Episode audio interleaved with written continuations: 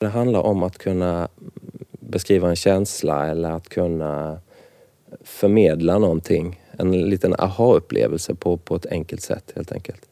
Eh, och att kunna tolka bild också. Att ha ett bildspråk innebär ju också att man kan tolka andra bilder. Det är ju liksom ett enormt flöde med bilder idag som man ska lära sig att tackla. Hej! Det här är Konst i Blekinge-podden och jag heter Ola Hallqvist. Rösten vi hörde inledningsvis tillhör Mattias Olsson, konstnär och illustratör med rötter i Olofström. Han är en man med många järn i elden och gör bland annat bokillustrationer, utställningar och planerar tv-program. Han medverkar också under evenemanget Berättarkraft i början av mars 2018. Om du ska sitta här. Jag tycker vi döper det här till skräckkroki. Jag ska försöka se ut som ett monster så gott jag kan. Sedan många år jobbar han också med unga och konst. Med workshops, med konstpedagogik och en vilja att få unga att upptäcka den kraft som bilder kan ha. Det bästa med det här är att man behöver inte känna att man kan rita. Utan det ska gå snabbt. Det är streckgubbar är okej. Han är bland annat engagerad i Skapande skola, en samverkansform mellan det professionella kulturlivet och en mängd skolor runt om i landet. Det här är en stor rörelse som finansieras med pengar från Statens kulturråd och som når ut till inte mindre än 900 000 barn och ungdomar under det kommande året. När vi träffade Mattias var det sportlov och dags för dag nummer två i en workshop med rubriken Illustrera en skräckhistoria. Vi är på Växtverket i Olofström. Vi ska rita och teckna lite idag på skräcktema. Um, och i, igår så ritade vi monster. Vi hittade på nya monster. Um, valde ut egenskaper, färger, en sak och en typ av monster. Så plockade vi ihop dagsfärska monster. Och idag tänkte jag att vi skulle prova på att göra bokomslag, eventuellt. Det kanske kan bli uh, skräckkroki också. Om vi har eh, otur.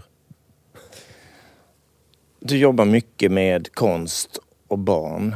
Vad är det som är spännande? Vad är det som är inspirerande med det? Och vad ger det? Det ger, förutom att det ger mig en, eh, en viss lön. Jag jobbar som frilansande illustratör och konstnär. Så har det här blivit ett, ett ben att stå på rent ekonomiskt men också för min del att eh, fortsätta. Jag, jag jobbade, vi bodde i Stockholm för ett gäng år sedan och då jobbade jag på eh, Moderna Museet eh, som med visning och verkstad och sen så jobbade jag på Kulturhuset, Rum för barn eh, med eh, förbokade barngrupper och en öppen verksamhet. Eh, så jag såg liksom möjligheterna och jag funkade bra i det sammanhanget. Sen flyttade vi ner till Skåne, till Höganäs där jag bor och då tänkte jag nu kör jag på egen hand. Och sen så har det blivit ringar på vattnet så jag har varit ute mycket i skolor och arbetat.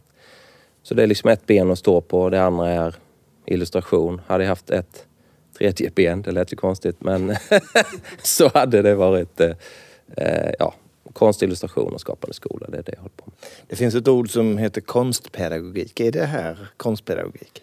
Ja, det tycker jag. Även om jag, jag är inte konstpedagog Alltså jag är ju, det, det, är, det har jag ju blivit på ett sätt men jag, jag är ju konstnär och illustratör som också är ute och, och har workshops helt enkelt och mycket skapande skola. Så på ett sätt har jag ju blivit det men eh, på Rum för barn där vi arbetade där, eh, där var det inga konstpedagoger som anställdes trots att vi, vi jobbade ju hela tiden med detta.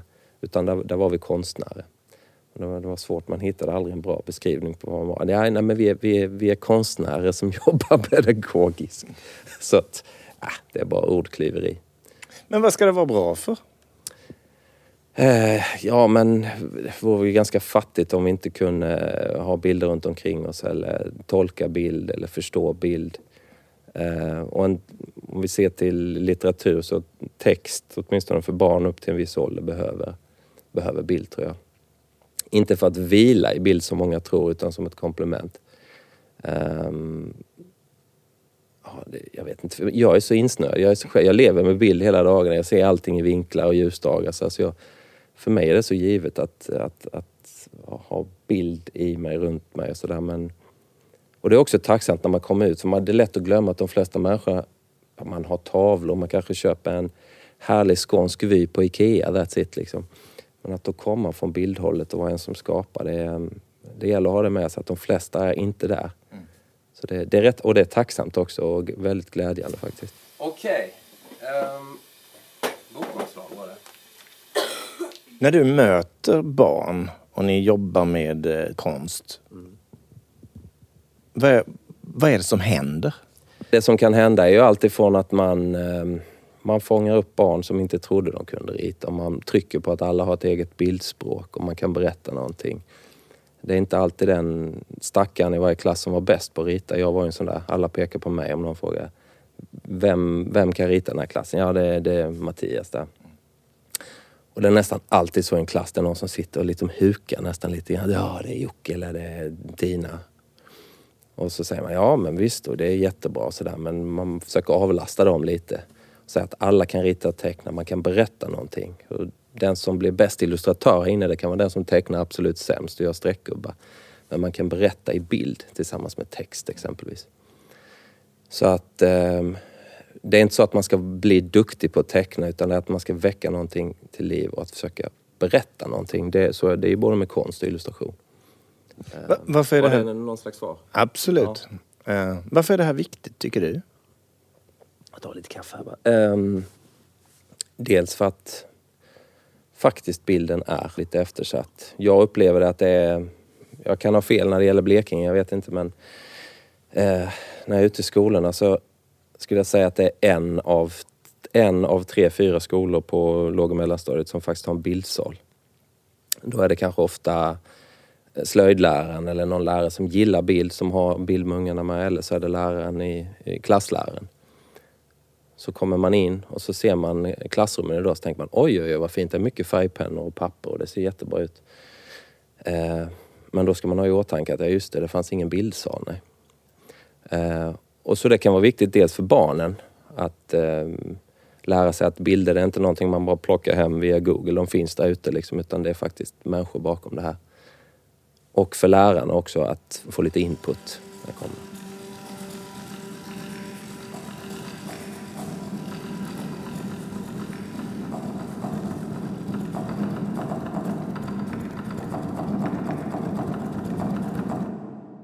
Konst Blekinge-podden är idag på Växtverket i Olofström och träffar sportlovslediga barn och ungdomar på en workshop som leds av konstnären Mattias Olsson.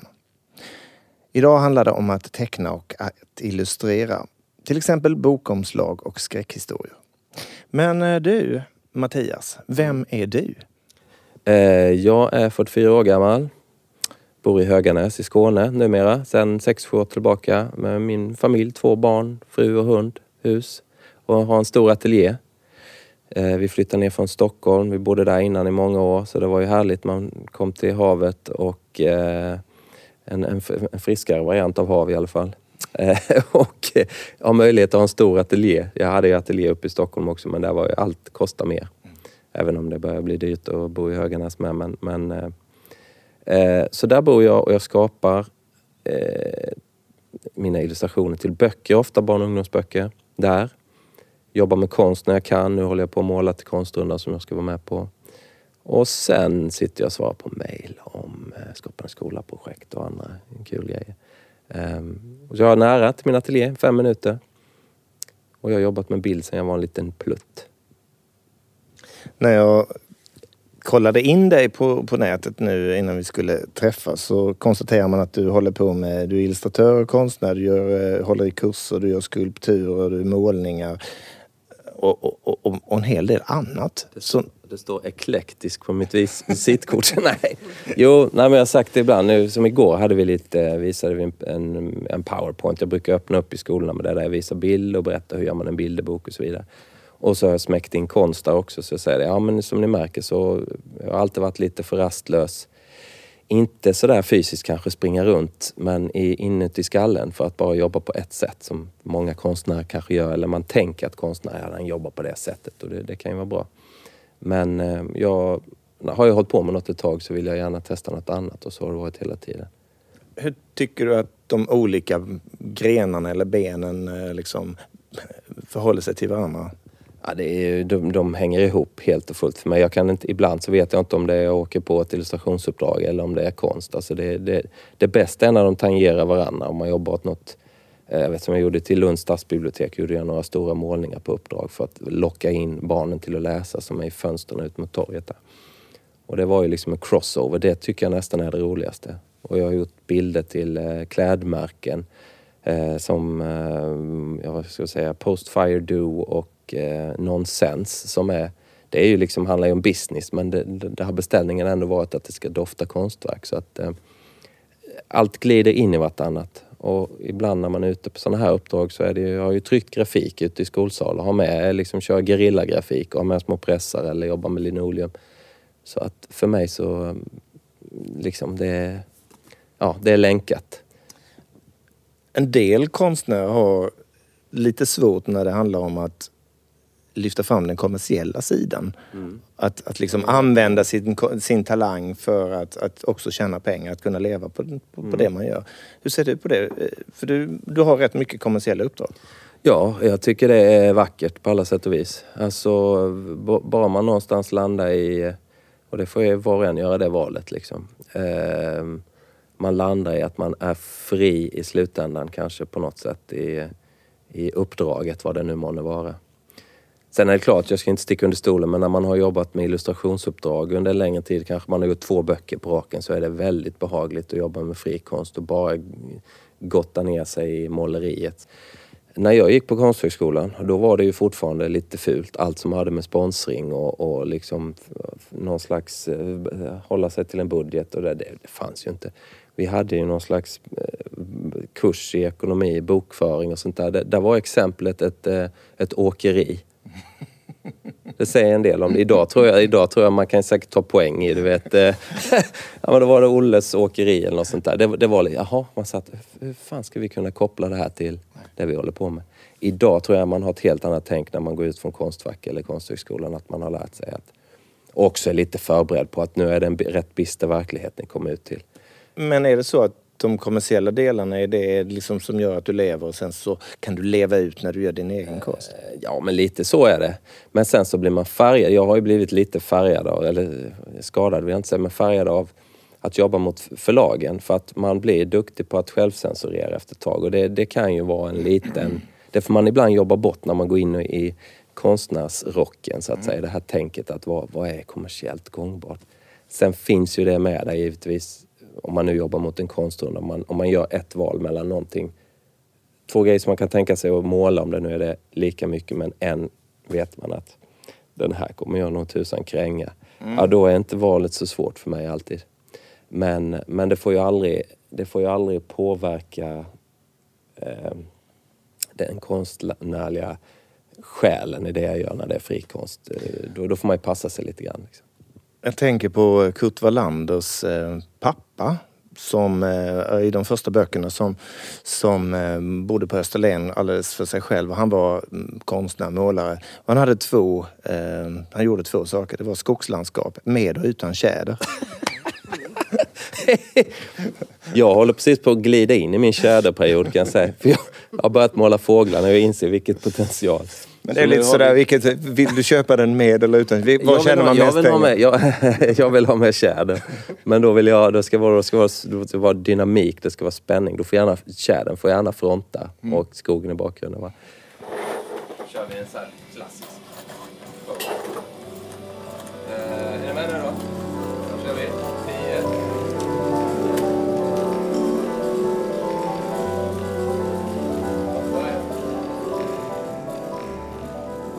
Att ha ett bildspråk för mig, det innebär att kunna berätta någonting ytterligare i bilden. Ehm, så det handlar om att kunna beskriva en känsla eller att kunna förmedla någonting. En liten aha-upplevelse på, på ett enkelt sätt helt enkelt. Ehm, och att kunna tolka bild också. Att ha ett bildspråk innebär ju också att man kan tolka andra bilder. Det är ju liksom ett enormt flöde med bilder idag som man ska lära sig att tackla.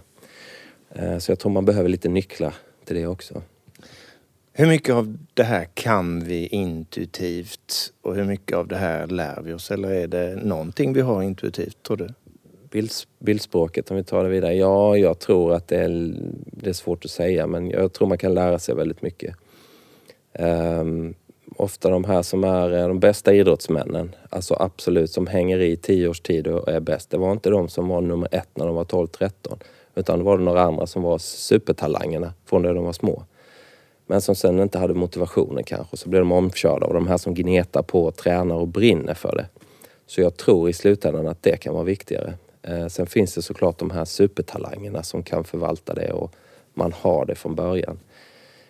Eh, jag får ju ofta höra, i och med att eh, min, min far Carl-Johan Olsson, han är, han är konstnär, att jag har fått det därifrån. Men jag menar, jag, jag, jag har ju två bröder och ingen av dem jobbar med bild eller är jätteintresserad av det. Sådär. Så att det är nog både medfött men sen handlar det om hur man förvaltar det och får möjligheten till att förvalta det. Alltså det kan ju räcka med någon sån som jag som kommer och sår ett frö idag hos ett av de här barnen så, så, så hjälper det. Är det så du ser det, att du sår frön? Ja, så är det. Dels i barnen men även, även för egen del hela tiden. Man som frilansare, man sår frön och så traskar man runt och så kanske man kommer andra varvet upp och då har det spirat någonstans där man inte alls anade eller så har det fröet blåst iväg och landat hos någon annan.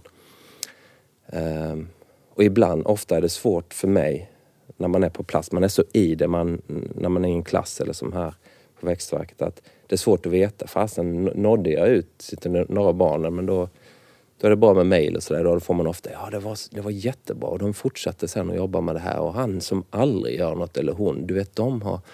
Så då, då känns det ju värt de här turerna man gör. Jag tänker på, på musik. Eh, förr i tiden så var liksom sånglektionerna så fick man göra ett snabbt prov och då kunde man liksom bräka någonting så blev man utsorterad. Du behöver, liksom inte, du behöver liksom inte vara med, det är inte lönt. Och sen så finns det då Caroline av Uggla som har ja, dragit igång det här med att alla kan sjunga och det är ja. liksom det, det, viktigaste är liksom att man är där och att, man, att det är drag och att det händer ja, någonting. När det gäller konst, hur, hur ser du på det? Är det, är det, är det alltså, kan alla Vilken ha... skola av dem? Finns det någon som är totalt motsvarigheten till omusikalisk? Vad det gäller konst? Ja. Ja, det gör det väl, men då kan man väl dra nytta av det. Jag menar, jag gillar ju Motorhead. Mm. Det är väl ingen som liksom kan säga att det har, där har vi en skolad klassisk röst. Men den har, den har karisma, den har en personlighet och det är liksom jag tycker det är skittråkigt med band, om vi tar musik som, som har det. Alla är skolade till perfection. Liksom. Det måste vara något som skaver lite grann. Och då tror jag, bara man har, har ett driv och vill uttrycka någonting sen så kan man lära sig att få de nycklarna, om vi nu tar bild eller vad det är, till att eh, skapa något. Och då, då kan det bli betydligt mycket mer eget än om man är, om man är perfekt hela vägen i röst och i, kan spela gitarr som Yngwie Malmsteen. Liksom för mig är det helt ointressant. Och det är samma med konsten faktiskt. Men det är ju något spännande det här med när vi pratar om konst, typ musik och sådär. Det finns någonting som händer i, inuti en när man ser mm. ett, kan, kan se ett konstverk eller höra en låt. Och sen finns det en annan del som man kan höra ett genomkomponerat stycke eller en, en, en form som är perfekta liksom. Den, här, den här relationen mellan, så att säga, det där som händer inuti en och det teoretiska, hur ser du på det? Uh, det som händer inuti och det teoretiska. Mm. Hur hänger det ihop? Uh, ja du, det har jag lite svårt att svara på. Men, men um, jag tror man måste ha en man måste ha ett grundkunnande också. Alltså även om det, du är en, en som har driv och att det skaver. Um, så måste du ha, du måste, måste du inte ha, du kan vara glad amatör i allting men det är bra om du har den teoretiska bilden och du har utbildningen också. Sen kan du koppla på det här som är det egna. Jag vet inte, det var nog inte egentligen svar på din fråga där kanske men... Eh, ja men eftersom frågan var så luddigt uttryckt så kan man svara luddigt också. Okej, okay, ja. Ja men eh, det, det, var bra, då fick du ett luddigt svar tror jag. Eh, jag har ju gått alldeles för många år i skola och utbild, utbildat mig. Eh, med grafik och keramik och frikonst och hela balletten. Vad händer med din kreativitet då? Om du jämför den innan du gick utbildningen? Eh, ja, ibland så tänker jag, undrar hur det hade gått liksom, om jag hade tagit en helt annan väg om jag liksom hade jobbat med något annat och bara... För det här har ju blivit mitt yrke nu så man mm. tänker strategiskt också. Hur ska jag göra liksom för att nå vidare där? Det blir som vilket arbete som helst. Om jag bara hade gått på lust hela tiden, vad det liksom, mm. om det hade tagit en annan väg, det, det vet jag inte. Men, men någonstans om man kan kombinera så är det väl bra. Så antingen via utbildning och att man går den vägen och sen har något. Eller att tiden gör att man får ett visst uttryck så att man också blir bra.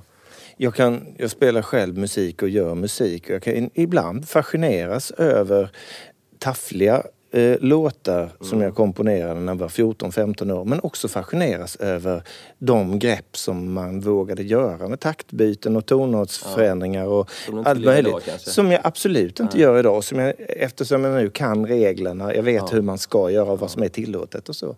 Uh, Känner du något, finns något liknande hos dig? Ja, ja, men det var nog lite det jag var och fiskade över, eh, kring. Alltså om man hade varit renare i lusten på något sätt. Alltså det är väl så. Sen lär man sig, man får nycklarna till det. Eh, så jag, lite svårt att svara på det där men, men det behövs teorin absolut. Och det som framförallt behövs när man jobbar med barn och bild, det är bra material. Om man ska vara riktigt konkret. Vad är det?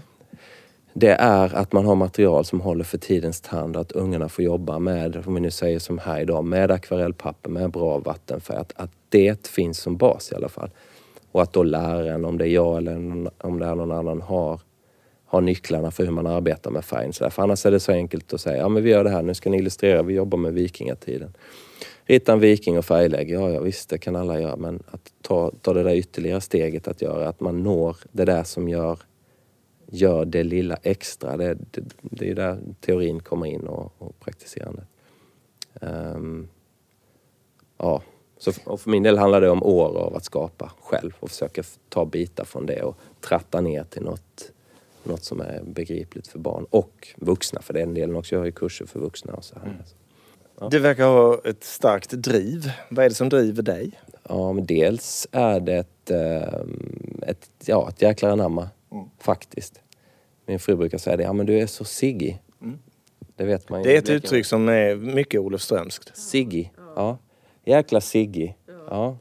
Ja, och det, men det, det ser jag, det är jag stolt över att vara Siggy mm. faktiskt. Men det kan ju gå ut över ens eh, hälsa och sånt där ibland också. Då får man ju dra i handbromsen. För, för den som inte är från Olofström, Siggy? Siggy är man är nitisk och man ger inte upp eh, till, till överdrift ibland nästan. Mm. Vill man någonting så gasar man på rätt så bra. Ehm, så det drivet tror jag, plus att jag... Att när man hamnar i det där, jag avskyr att sitta och svara på mejl och hålla på med de här logist, logistikbitarna. Men när man får landa i och bara säga till sig själv, nej nu måste jag bara stänga av allt, jag ska stå och måla idag. Då bara, då, magen landar rätt och, och, och liksom allt känns bra. Tiden bara lättar på något vis runt omkring en. Så, så eh, jag menar, hade det inte varit så hade jag inte hållit på med det. Eh, lusten att teckna och måla och rita är ju, den är, det är ju grunden såklart. Men sen är ju drivet att kunna överleva på det här och fixa det. Och då får man vara lite trollkarl alltså och tänka brett. Eh, om man då inte är extremt smal och vågar gå den linjen. Men jag har valt eh, eh, den spretande. Mattias Olsson, eh, stort tack för det här pratet. Det var jättekul att komma till Växtverket i Olofström och se vad ni gör. Tack själv för att du kom.